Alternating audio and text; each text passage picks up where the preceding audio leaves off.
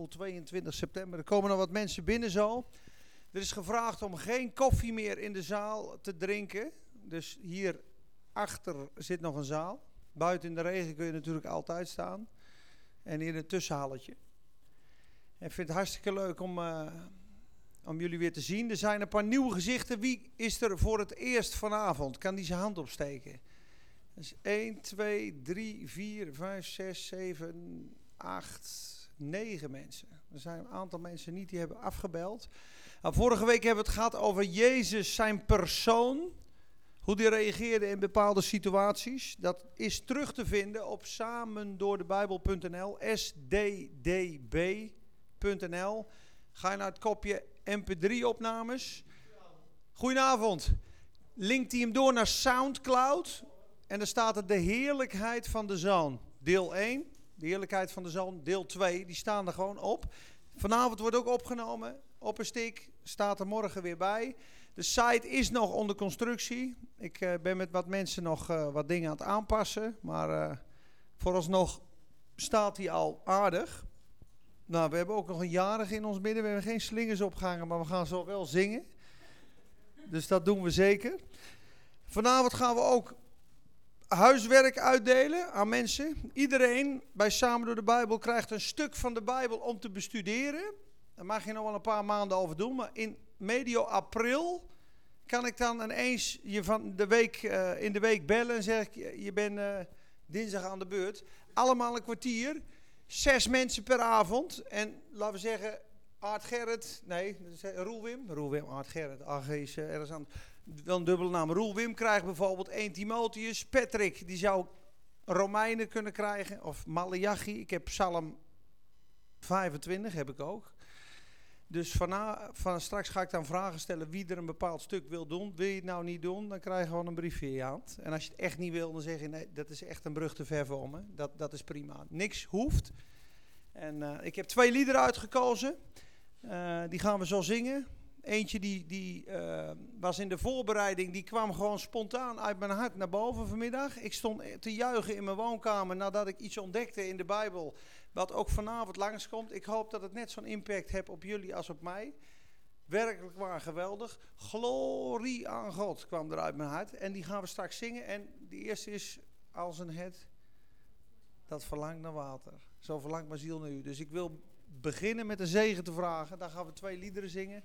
En dan zullen we de avond overgeven aan de Heer. En dat doen we nu ook al trouwens. Almachtige, getrouwe, eeuwige Vader. Dank u wel, heren, voor mijn broers en zussen. Dank u wel, heren, dat we hier zitten in veiligheid, in vrijheid, met een Bijbel. Niet op de vlucht. Heer, er zijn zoveel mensen op de vlucht, er is zoveel nood. We hebben heerlijk gegeten, we hebben een huis waar we in schuilen. En we hebben een Bijbel en een vrije Bijbelstudie. Wat een rijkdom, heren. Heer, we bidden voor hen. Sterk hen en bemoedig hen. Geef dat ze u mogen vinden in de situatie. Heer Jezus, vraag uw zegen over vanavond. Heer, zoals ik vanmiddag bad, Heer, dat uw bediening gezien mag worden. Wat u wil zeggen, Heer, tegen ons. Waarom het zo beschreven staat zoals het beschreven staat. Wat wilt u daarmee zeggen? Heer, toon uw majesteit, toon uw hart, toon uw werken door ons heen. Heer, open ogen vandaag, open ons verstand. Geef ons, Heer, dingen die we geleerd zijn, die niet van u zijn, Heer, los te mogen laten. Heer, we danken u wel dat u beweegt vanavond. Heer, we vragen of u de sluiers van ons hart wil afnemen. Dat u uw heerlijkheid wil laten zien, dat u zegen wil geven op het woord. Zegen ook op de aandacht. Heer, dank u wel voor de vraagstelling, dank u wel voor de regie. We geven u ook alle regie en de eer en de glorie en de dankzegging. En Heilige Geest, wij nodigen u uit als degene die ons leert en onderwijst. Want u bent de leraar, u bent de trooster. U bent Jezus in ons. Wat een wonder. O Heer, maak zo bekend wat u wil zeggen vanavond. En zegen ons. Ik dank u wel daarvoor. In Jezus' naam. Amen. Amen. Dan kan het eerste lied aan.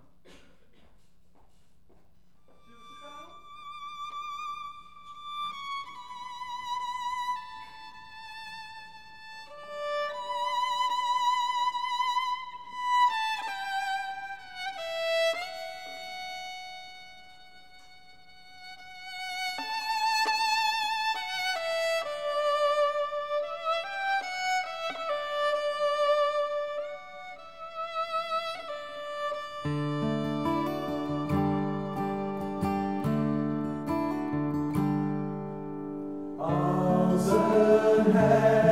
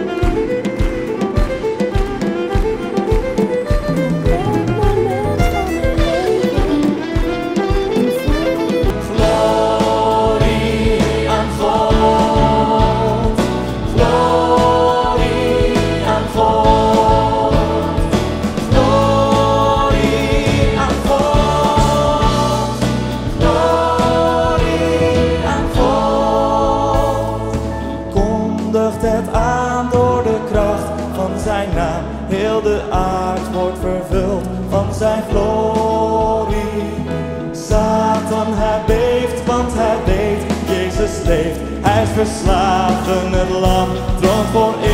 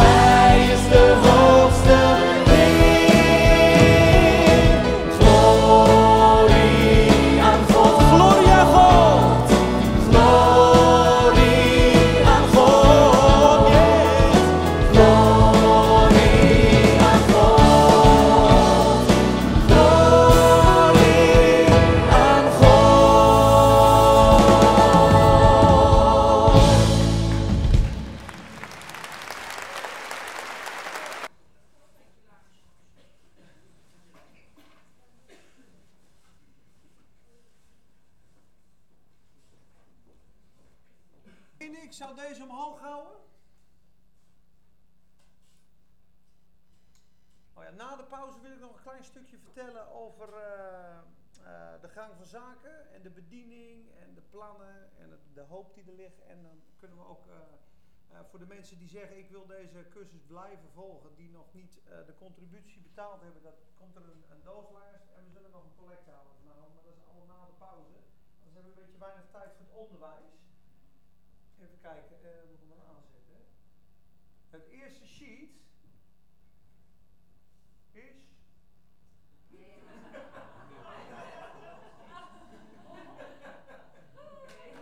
Het is feestdag.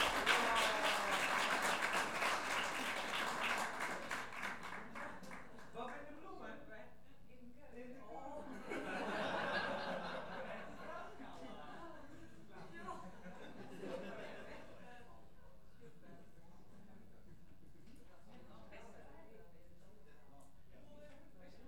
tekst voorlezen die erop staat is Psalm 65, vers 4.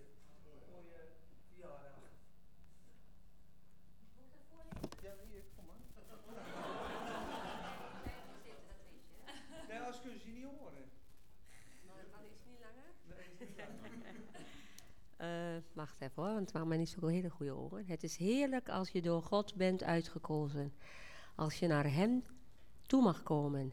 Het is heerlijk als je in Gods huis mag wonen. God zal zijn liefde over je uitstorten. Van je zoon Peter.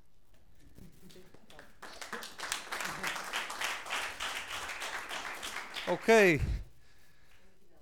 Graag gedaan. Van harte gefeliciteerd. Het feest volgt. Dat is die. De bediening van de Heer Jezus. Handelingen 10, vers 38 heb ik erbij gezet. Die komt straks ook nog langest. Ik pak hem nu weer over hierop. Kijk, dat is mooi hè. We hebben twee microfoons. Uh, ik weet niet of de mensen een Bijbel bij zich hebben. Maar anders, ik heb heel veel tekst op het scherm gezet. Uh, we gaan ook nog wat dingen uh, gewoon lezen. Ook een lang stuk tussendoor. Omdat ik je wil laten zien. Dat lijkt een heel lang stuk in de Bijbel. Maar je zult zien dat is anderhalve dag. En dat zijn vijf hoofdstukken. En ik heb daar de hoofdpunten uitgehaald. En dan zie je dus wat de bediening van Jezus was. En waarom hij op een gegeven moment tot het uitzenden uh, overging. Dus we gaan beginnen. Um, allereerst wil ik beginnen met Johannes 1, omdat Jezus is niet een historisch figuur.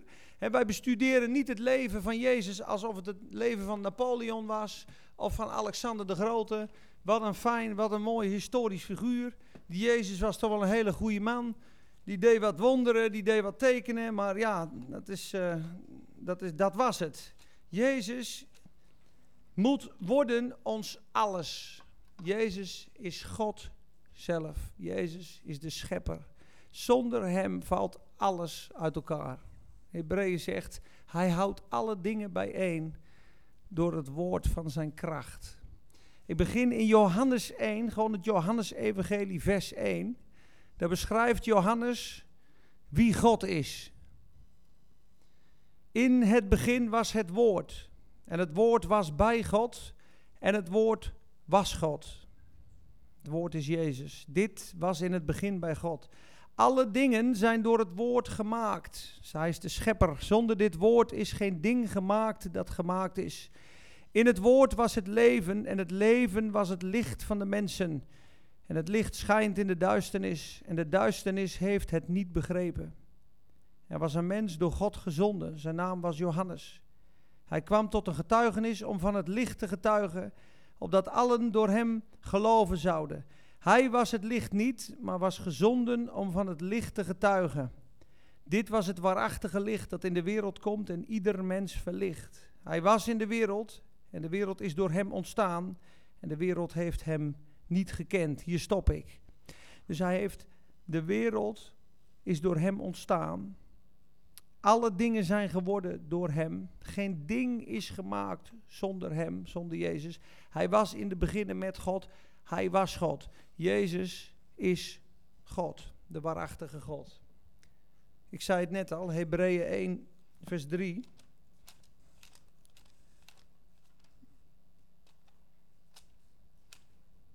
Hij is de afspiegeling van God. En Jezus kwam op aarde om de wil van God te volbrengen, om ons de Vader te tonen. Drie dingen. Hij kwam dus de, de wil van de Vader te doen, dus een perfect volmaakt leven leiden.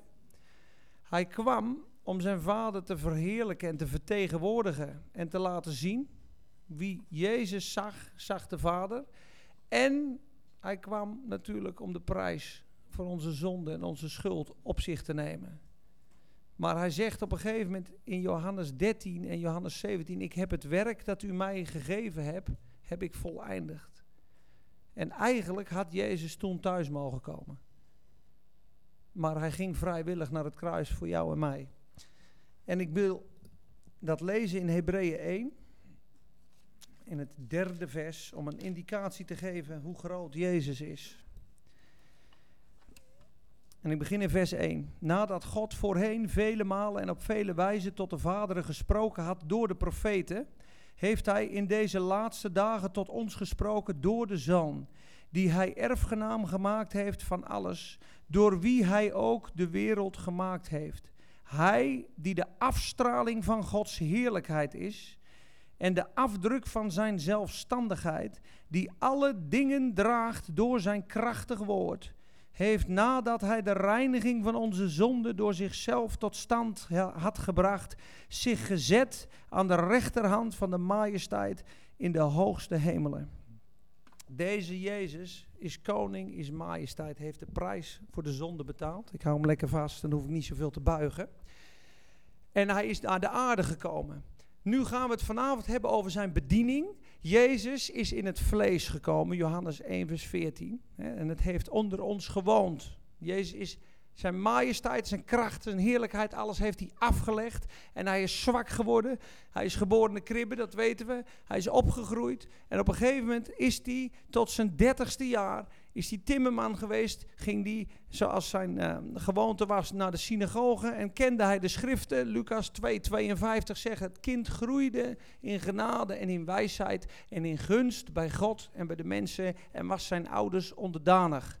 Nou, op een gegeven moment is Jezus 30 jaar. En Jezus, zijn bediening, heeft hij als mens geleefd, gezalfd met de Heilige Geest. Waarom heeft hij dat gedaan? Hij heeft zijn bediening niet als God gedaan, als hij het als God deed, konden wij zijn bediening niet voortzetten.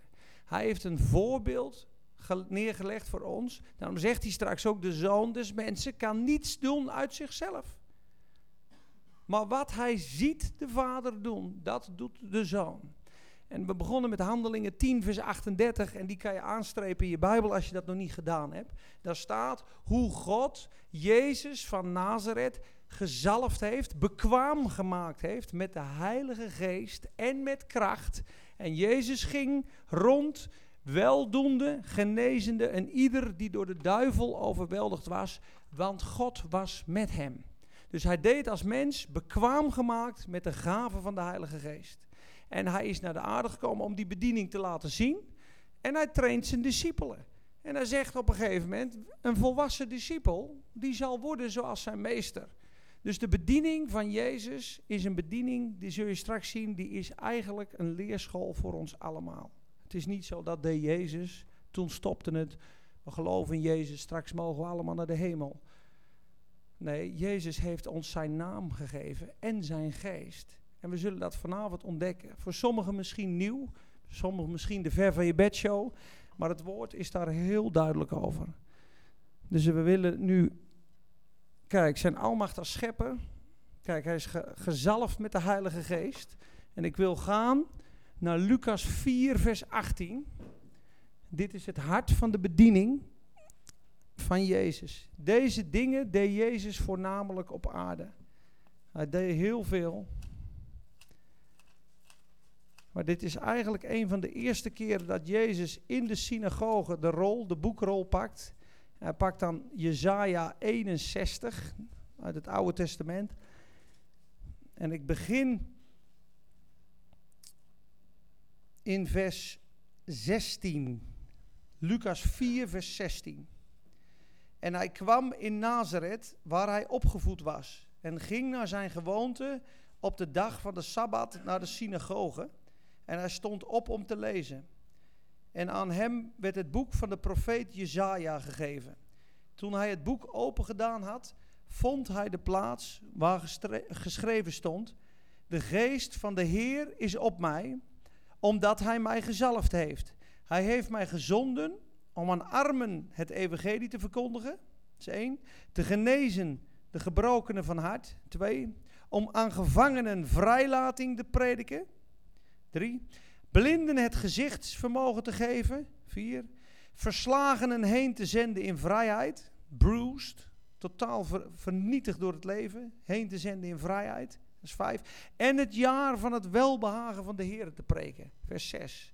Er staat in het Engels, in de Amplified vertaling staat... The, the day that salvation and the free favors of God profusely abound. Met andere woorden, de dag dat de verlossing en de gunst van God bovenmatig over je uitgestort worden. Dat is het leven wat God wil, het overvloedige leven. Waar Jezus voor gestorven is. Je moet nagaan wat Jezus van de kribbe tot aan het kruis geleefd heeft. Dat leven heeft hij voor God de Vader geleefd. Dat wordt ons aangerekend op het moment dat wij ons leven aan hem geven. Dan doodt hij, brengt hij ons oude leven in de dood aan het kruis. En we hebben de omwisseling aan het kruis dat zijn bloed, zijn leven, het leven zit in het bloed, zijn bloed komt in ons. En God zegt, Jezus leven is jouw leven. En de prijs die Jezus heeft gehad voor dat hele leven van kribbe tot kruis, dat is de kroon van het leven. Jezus kwam natuurlijk naar de hemel en God zei volkomen rechtvaardig. Volmaakt in de wil van God gewandeld. Zijn vijanden vergeven. Judas voeten gewassen. Hebben we vorige keer vergeten, die had ik er nog zo graag bij willen doen. Dat die Judas zijn voeten wast aan het eind. En er staat in Johannes 13, toen hij nu wist dat alles volbracht was en dat hij naar de Vader heen zou gaan en dat hij wist, dus hij wist dat alles was klaar. Toen pakte hij de handdoek en de bekken en ging hij de voeten wassen. Dat hoefde hij niet te doen. Dat toont hij mee, ik ben een dienaar. Ik ben een dienaar in mijn hart. Niet om één keer mijn eigen te vernederen. Van kijk eens, dat staat in de Bijbel, zie je? Ik ben nederig. Nee, omdat hij echt zo is. En dan waste hij daar de voeten van Judas. En die Jezus wordt ons aangerekend in, de volbracht, in het volbrachte werk. Dus wat hij verkregen heeft, de zegen. Als je het Oude Testament zo leefde zoals Jezus leefde in het Nieuwe, dan kreeg je natuurlijk alle zegeningen van God. Daarom zegt de Bijbel in 2 Korinthe 1, vers 20: alle beloften die er zijn, zoveel beloften als er zijn in de Bijbel van God, die zijn ja en amen in Christus door ons tot heerlijkheid van God. Met andere woorden, alles wat in de Bijbel tot zegen leidt, is in Christus als geschenk naar ons toegekomen. Daar hoef je niet je best voor te doen, daar hoef je niet een heilig leven voor te leiden, want dat kunnen we niet. We worden wel steeds heiliger en we worden wel steeds reiner. En er zijn christenen die wandelen zo dicht bij God dat je denkt, nou die is al heilig. Maar geloof het maar niet, want ieder mens struikelt nog. Maar op het moment dat wij geloven in Jezus Christus, rekent God de perfecte zondeloosheid van Jezus ons aan. En ook zijn perfecte gedrag op aarde. Dus voor God ben je een winnaar, een kampioen, een VIP. God maakt een staande ovatie voor jou. En dat is het wonder van het kruis. En dat kan je alleen maar met, met, met open armen ontvangen en zeggen: Heer, ik begrijp dat niet. Ik verdien dat ook niet. Ik ben een absolute hypocriet. Ik ben echt een smeerlap. Als je mijn gedachten en mijn hart en mijn leven kent. Maar ik heb mij toevertrouwd aan Jezus Christus. Dan zegt God: Het is volbracht. Ik zie, je bent bekleed met Jezus. Je bent de, de vreugde en de oogappel voor mij. Jongen, waar heb je het over? Perfect gedaan. Dat is een wonder, hè? En daar begint de bediening. Jezus, zijn bediening, hij heeft ook namelijk geen wonder gedaan. En er komt een stem uit de hemel. Kijk maar eens, hij komt uit dat water. En op een gegeven moment zegt God, zonder dat hij ooit nog iets gedaan heeft. Dit is mijn geliefde zoon in wie ik mijn welbehagen heb. Heeft Jezus nog nooit een wonder gedaan. Er zijn boeken geschreven, hè? Uh, de verloren jaren van Jezus. Toen hij 12 was tot hij 30, ja, er zijn een paar geschriften uh, kwijtgeraakt. En uh, Jacob Lorber van de nieuwe openbaring, die heeft gezegd, nou, ik heb door de Heilige Geest de, die, die 18 jaren heb ik gekregen. En uh, nou, ik had het boek op een gegeven moment, ik denk, het zal toch niet waar wezen dat dat, dat dat is. Ja, er staat wel weinig in van Jezus. Ik zei, nou kom maar hier met dat boek dan. Nou, hij blies op een wesp en een vogel had hij genezen. En hij zei maar maar één zin. Maar dat is niet waar. Want de Bijbel spreekt duidelijk, toen Jezus in Canaan water in wijn veranderde, dit was het eerste wonder wat Jezus deed. Om de heerlijkheid van God te tonen.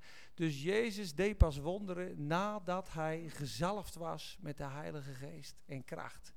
Hij kan niets doen van zichzelf, net zoals wij niets kunnen doen van onszelf. En daarom had Jezus ook een gebedsleven. Daarom ging hij ook de berg in om te bidden. Daarom ging hij naar de Olijfberg. Daarom praatte hij met zijn vader. Daarom was hij vol van het woord. Daarom groeide hij in wijsheid en genade.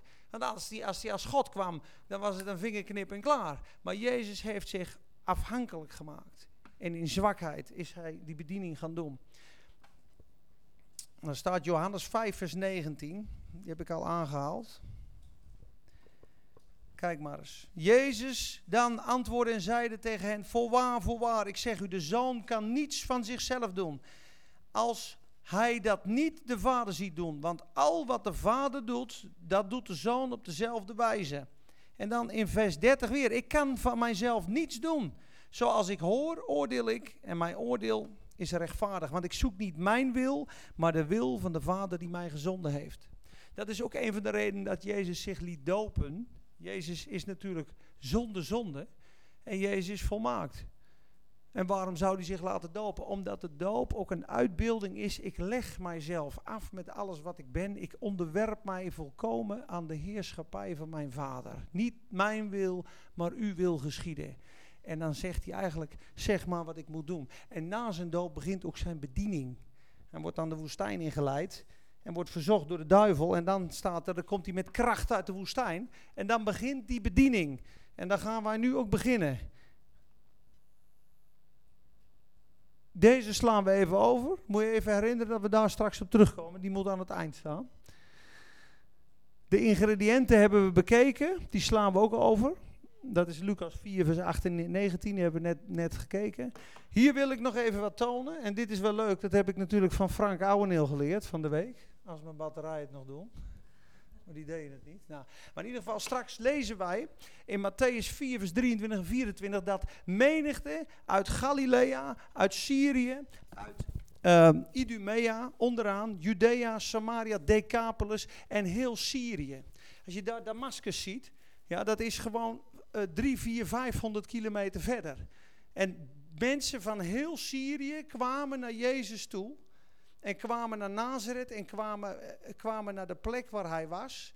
En je ziet dus dat hele gebied, Decapolis is tien steden. En Geraza zie je daar staan, dat komen we straks tegen. En Gadara, zie je Gadara staan, dat groene daar? Daar zit dus die demonisch bezette man.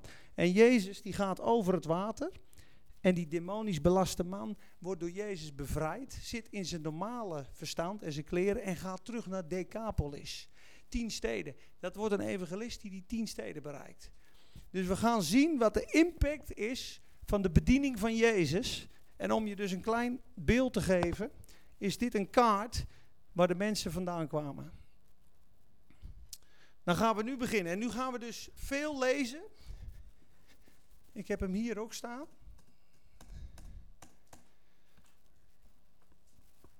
En dan gaan we dus het verhaal lezen van Jezus, zijn bediening. En dat loopt van Matthäus 4, vers 23 tot hoofdstuk 9. Maar ik ga, we gaan niet alles lezen, maar we gaan de punten lezen als een film.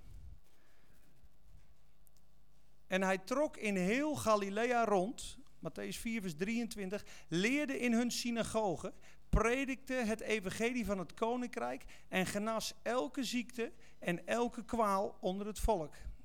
En het gerucht van hem ging uit tot in heel Syrië. En zij brachten bij hem alle lijdenden, die bevangen waren door allerlei ziekten en pijnen, bezetenen, maanzieken en verlamden. En hij genas hen.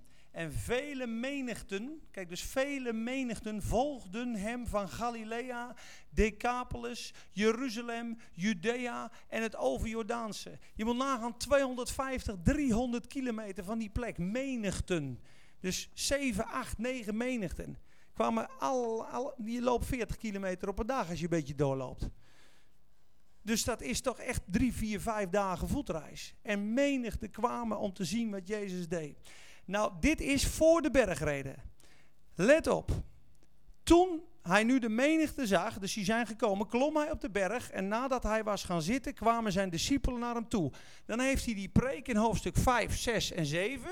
En dan komt hij van de berg terug. Dus laten we zeggen, dat is drie kwartier later. Toen hij nu van de berg was afgedaald, hoofdstuk 8, vers 1, volgde hem vele menigten. En zie, een Melaatse kwam naar hem toe en huldigde hem en zei: Heer, als u wilt, kunt u mij reinigen. Veel mensen vragen dat. Hè? Wilt u mij reinigen? Ik, ik geloof wel dat de Heer het kan. Maar wil God ook mij genezen?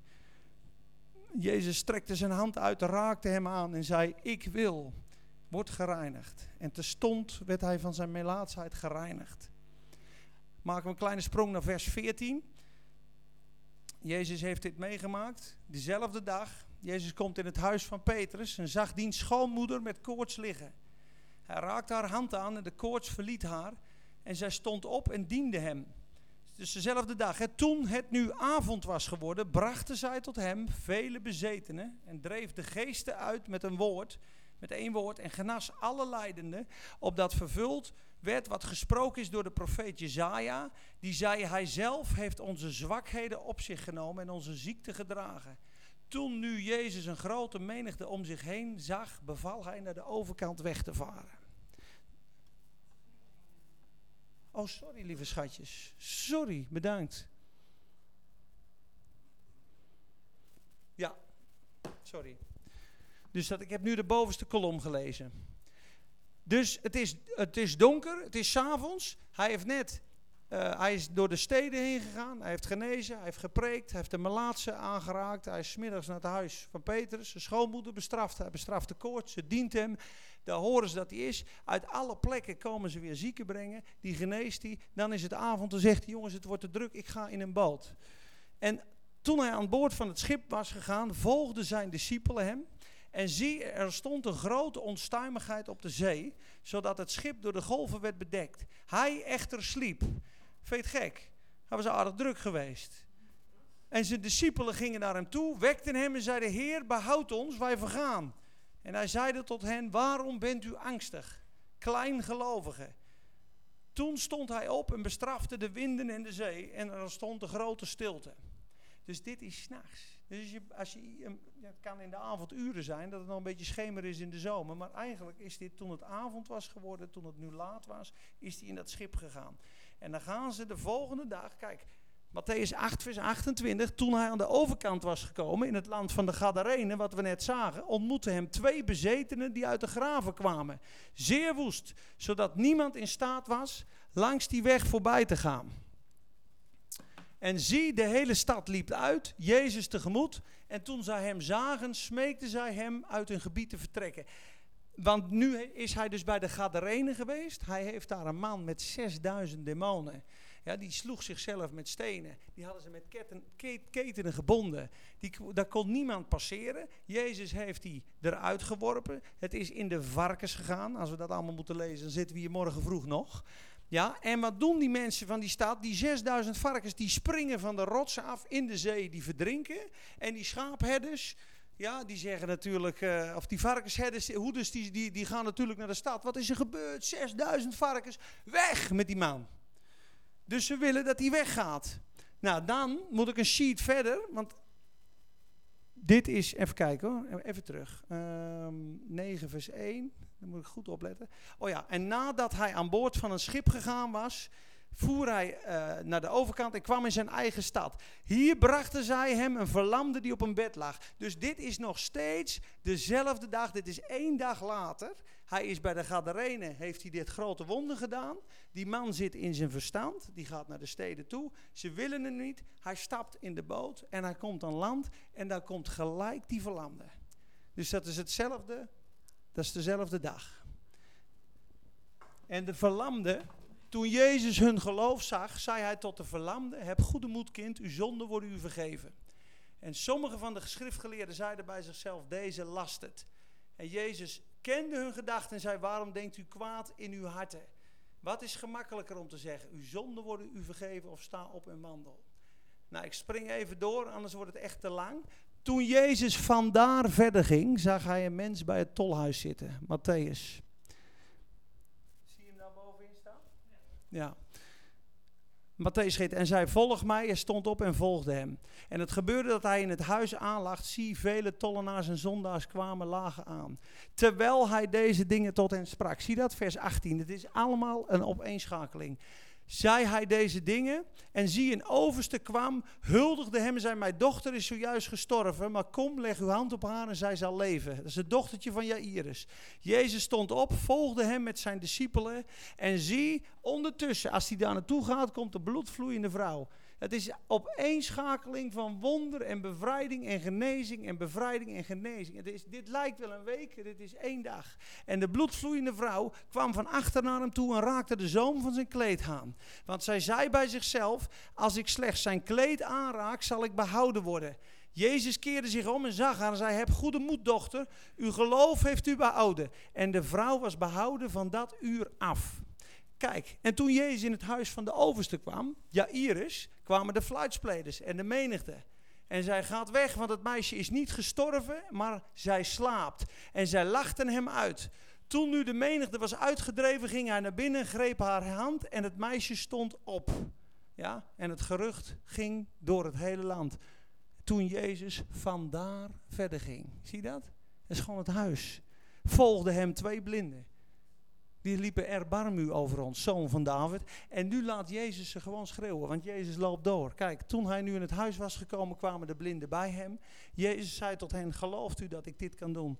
Ze zeiden, ja heer. Toen raakte hij hun ogen aan. Laat het gebeuren volgens uw geloof. Hun ogen werden geopend. Jezus verbood hun streng, let erop, dat niemand te, te weten zou komen. Toen gingen ze naar buiten, maakten hem bekend in het hele land. Toen nu deze naar buiten gingen, zie... Men bracht een stomme die bezeten was. En toen de demon uitgedreven was, sprak de stomme. De menigte verwonderde zich en zeiden: Nooit is zoiets in Israël vertoond. Nou, en nu het laatste stuk. En de fariseeën echter zeiden, door de overste van de demonen drijft hij demonen uit. Het ging zo goed dat ze zijn bediening gaan aanvallen. Jezus trok alle steden en dorpen rond, leerde in hun synagoge, preekte het evangelie van het koninkrijk en genas elke ziekte en elke kwaal. Toen hij nu de menigte zag, werd hij met ontferming over hen bewogen, want zij lagen afgemat neer als schapen die geen herder hebben.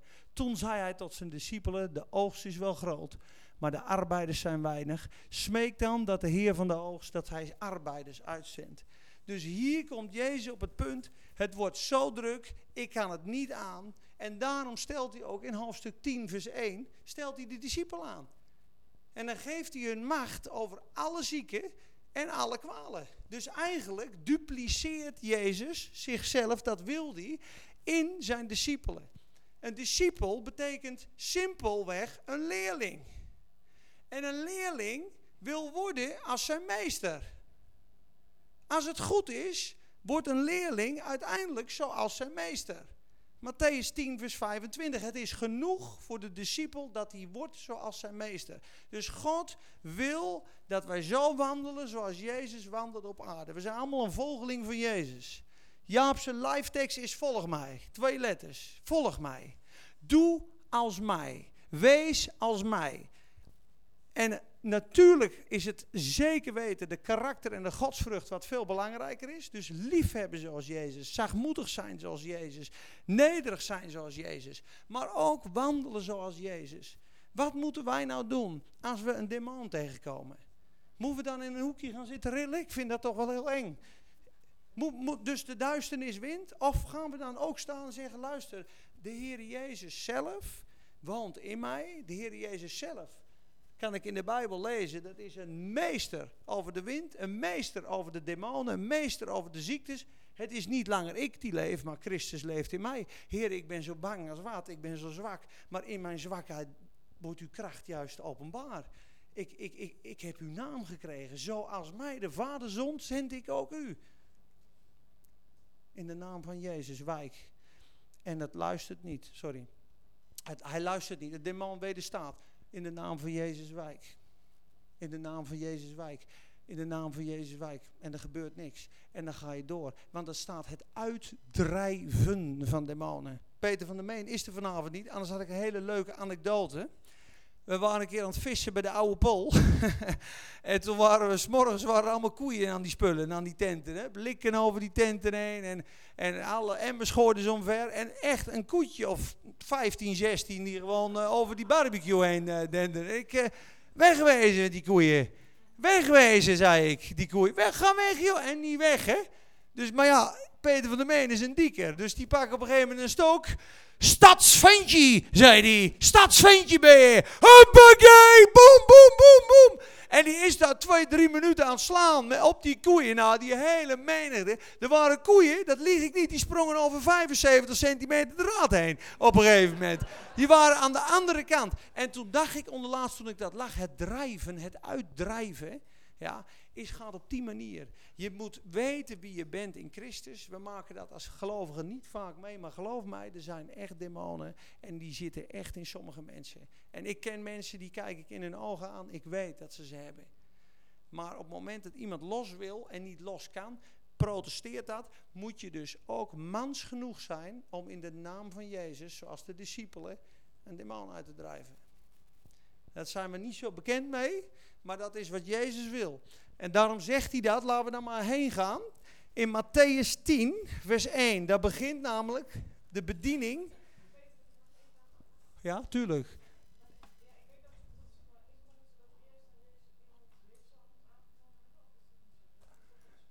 De vraag is nog een keer.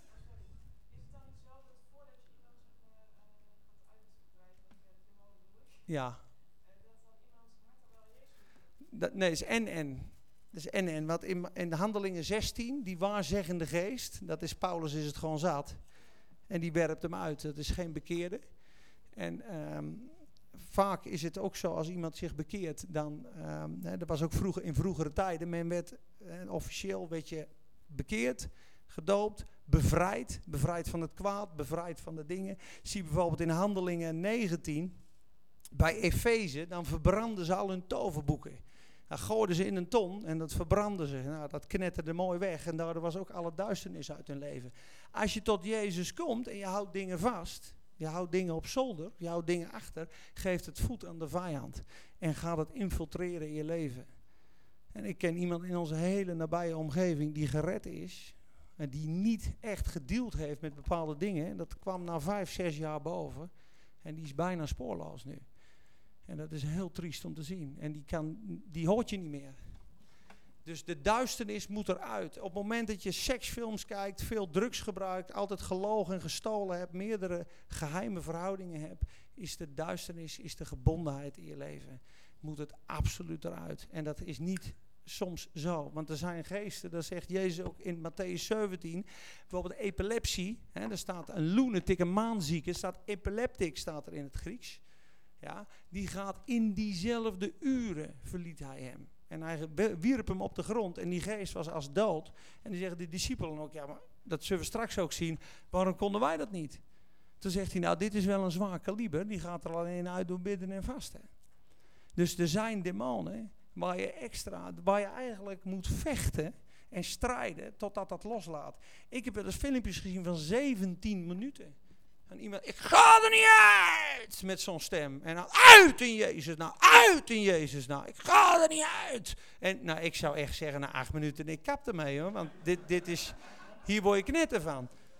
Maar hij ging er wel uit en dan de verandering in de ogen en de blijdschap waar zo'n mens uit vandaan komt, is geweldig. En we hebben van de week ook nog een filmpje gezien op Facebook van zo'n jongen in Australië. Die heb ik nog op de site gezet. Die hele nacht aan de drugs en die komen een paar christenen tegen. En uh, nou ja, in de auto bidden ze. Maar je ziet echt dat hij zo doet. En op een gegeven moment komt hij eruit. En toen zeggen ze, kijk eens in de spiegel. Je hele ogen zijn anders. En van zulke ogen had hij hele normale ogen. Hij zei, die persoon heb ik al jaren niet gezien. Dus ook dat gedeelte is een deel van de bediening van Jezus. Ja.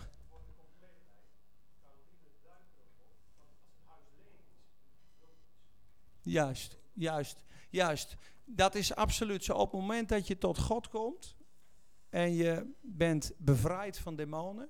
Of je, nee, laten we zeggen, je bent bevrijd van demonen, maar je bent niet naar God gegaan. Dan is het huis leeg, zegt de Bijbel.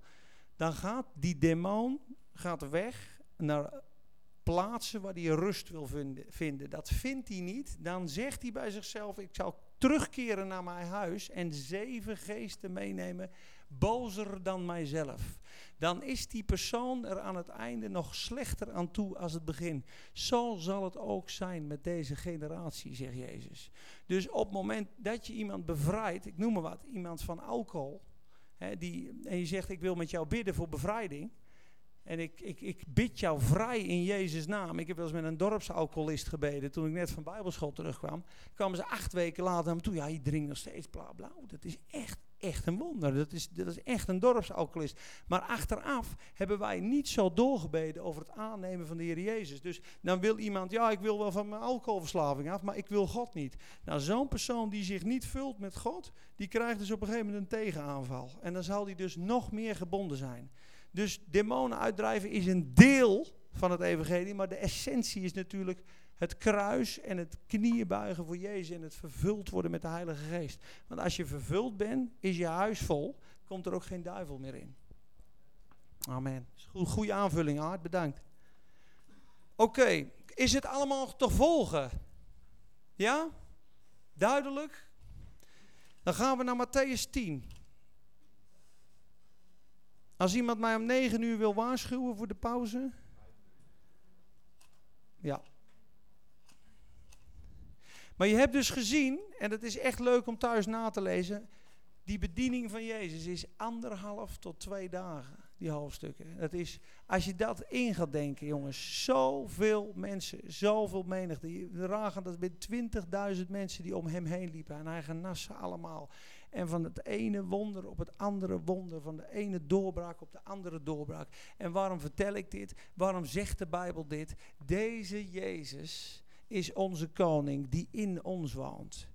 Dus wij moeten allemaal komen, ja, dat zullen we straks zien in Johannes 6, naar een vernieuwing van denken. Jezus wist dat hij die menigte met twee vissen en vijf broden zou gaan voeden. Johannes 6, vers 6. Dit vroeg hij hun om hun te testen. Want Jezus zelf wist al wat hij zou gaan doen. Hoeveel geld hebt u? Ja, 200 schilling, zegt Andreas. Maar wat is dat op zoveel? Is er wat te eten? Want de mensen hebben al drie dagen niet gegeten. Ja, we hebben hier een lunch van een klein jochie. Maar wat is dat op zoveel? Zie je dat ze allemaal nog natuurlijk denken en dat wij daar op een gegeven moment zitten. Dat Jezus zegt, zet de mensen neer in groepen van 50 en 100. Toen brak hij het brood, dankte, zegende en gaf. En 5000 mannen werden gevoed met vrouwen en kinderen. Laten we zeggen 15.000 mensen. Die allemaal een sneetje of 4, 5 opeten en twee visjes. Dus het is keer 15.000 gegaan. En er was nog over. En de volgende keer doet hij dat weer. En op een gegeven moment staat er in Marcus, lees maar eens in Marcus, staat er drie keer.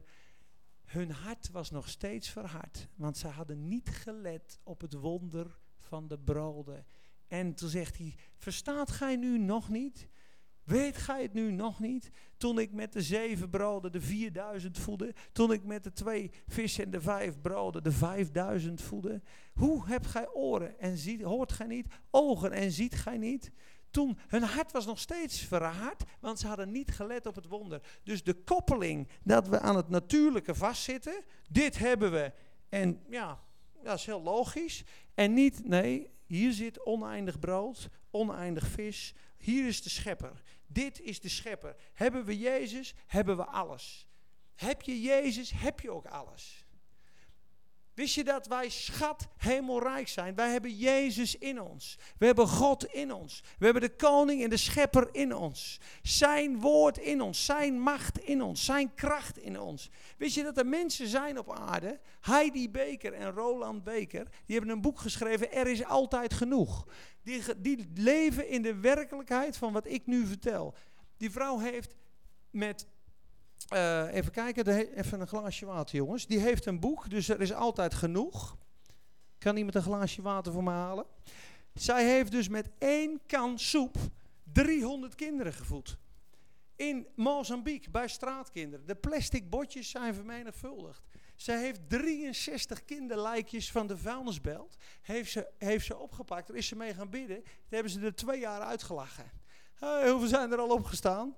Nog geen één, zei ze. Maar zij vond het zo verschrikkelijk dat die kinderen bij dat afval lagen. Dat ze dacht, dit kan niet. En ze hield ze vast. En ze is gaan bidden. En ze is gaan zingen. En ze zei, Heer, het moet toch zo zijn als bij Elia. Dat de levensgeest in die kinderen terug kan komen. En ze huilde tranen. En een jaar later kwamen ze haar weer pesten. Maar er waren al dertien wakker geworden. En de laatste keer dat ze sprak, en dat is al een aantal jaar geleden, zat ze op 60. En dat is een vrouw die heeft een kinderlijk geloof, die gelooft wat de Bijbel zegt. En die gaat naar plaatsen waar het zo dor en zo dood en zo verschrikkelijk is. En zij wandelt in de wonderlijke voorziening van God. En Jezus is daar. En dat boek heet Er is altijd genoeg. En Jezus zei dat ook tegen haar. Omdat ik gestorven ben aan het kruis, is er altijd genoeg. En dat is voor ons wonderlijk, maar dat is waar. Dat is werkelijkheid. Dankjewel, lieverd. Matthäus 10, vers 1.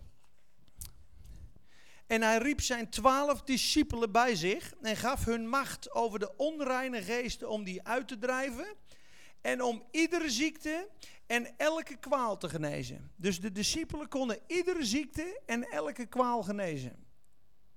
En demonen uitdrijven. En dat stelt, hij stelt ze aan en hij zegt dan in vers 7, als u op weg gaat, predik dan. Het koninkrijk der hemel is nabijgekomen. Genees zieken. Dus moet je nagaan als ze die opdracht hadden. Wat een discipel dan zei bij een zieke. Dus Jezus zegt, hier heb je de macht. Ik geef jou de volmacht. Dus even kijken naar uh, Cor, kan je even komen?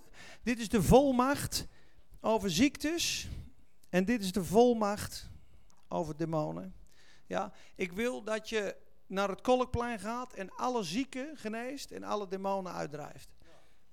Ja, moet je nagaan dat Cor nou naar het kolkplein toe gaat en uh, dat hij daar gaan bij zo'n zieke komt en zegt van, uh, ja, uh, heren, wilt u deze zieke genezen? Moet je nagaan dat een politieagent dat vraagt, zijn bon uitschrijft. Hij heeft de volmacht om bonnen uit te schrijven. Hij komt bij een auto die verkeerd geparkeerd staat en belt het hoofdkantoor. Ja, met, uh, met Van Grunsven. Ja, ik sta hier bij een Opel Kadett. Uh, die staat uh, verkeerd geparkeerd. Zou ik ook een parkeerbon uit mogen schrijven? Wat denk je dat het hoofdkantoor zegt? Grote knuppel. Weet je wel wie je bent? Je hebt de vrije volmacht om bonnen uit te schrijven. Schrijf bonnen uit. Je moet er 220 per jaar doen. Ben je niet goed of zo?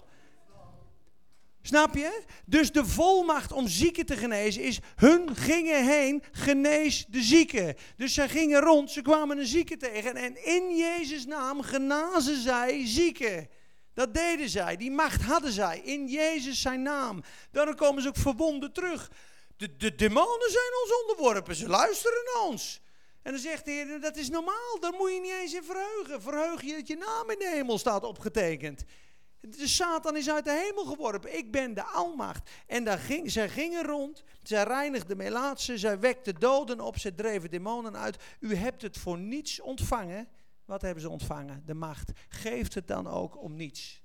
Nou, dan gaan we verder naar Lucas 9. Want dan zeggen sommige mensen, dat zijn van die, van die uh, hele, uh, nou zou ik zeggen, muggenziftende mensen. Die zeggen, ja, kijk, er staat, er staat hier, hij gaf hun macht over onreine geesten. Iedere ziekte en iedere kwaal. Maar er staat niet iedere, uh, iedere demon of iedere onreine geest. En ook onreine geesten, dat lukt het niet bij. Dus die mensen zijn er, hè? Nou, als je dan Lucas, als je dan Lucas leest, dan kun je ze antwoorden. Zeg, kijk, als je, daarom moet je ook alle evangelie lezen. Bijna klaar, ja. is de laatste tekst. Hij riep zijn twaalf discipelen bijeen en gaf hen kracht en macht over alle demonen en om ziekten te genezen. Dus als je Lucas 9 leest, zeg je ja, ziekte, maar niet elke ziekte. Dus Matthäus 10 zegt elke ziekte, elke kwaal. Lucas 9 zegt elke demon. Dus als je goed leest, hij ze allemaal te pakken. Alle ziektes, alle kwalen, alle demonen zijn de gelovigen onderworpen door de naam van Jezus Christus. Pauze. Ja, nog een vraag?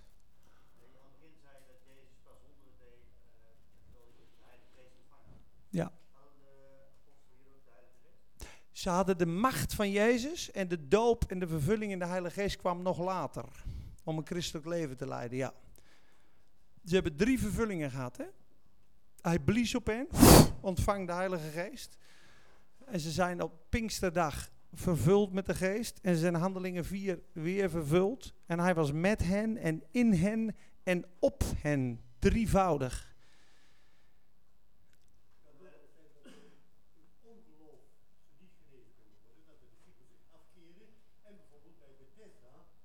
Ja, doen we straks na de pauze.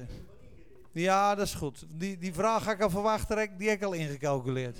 Dat komt goed. Na de eerst pauze.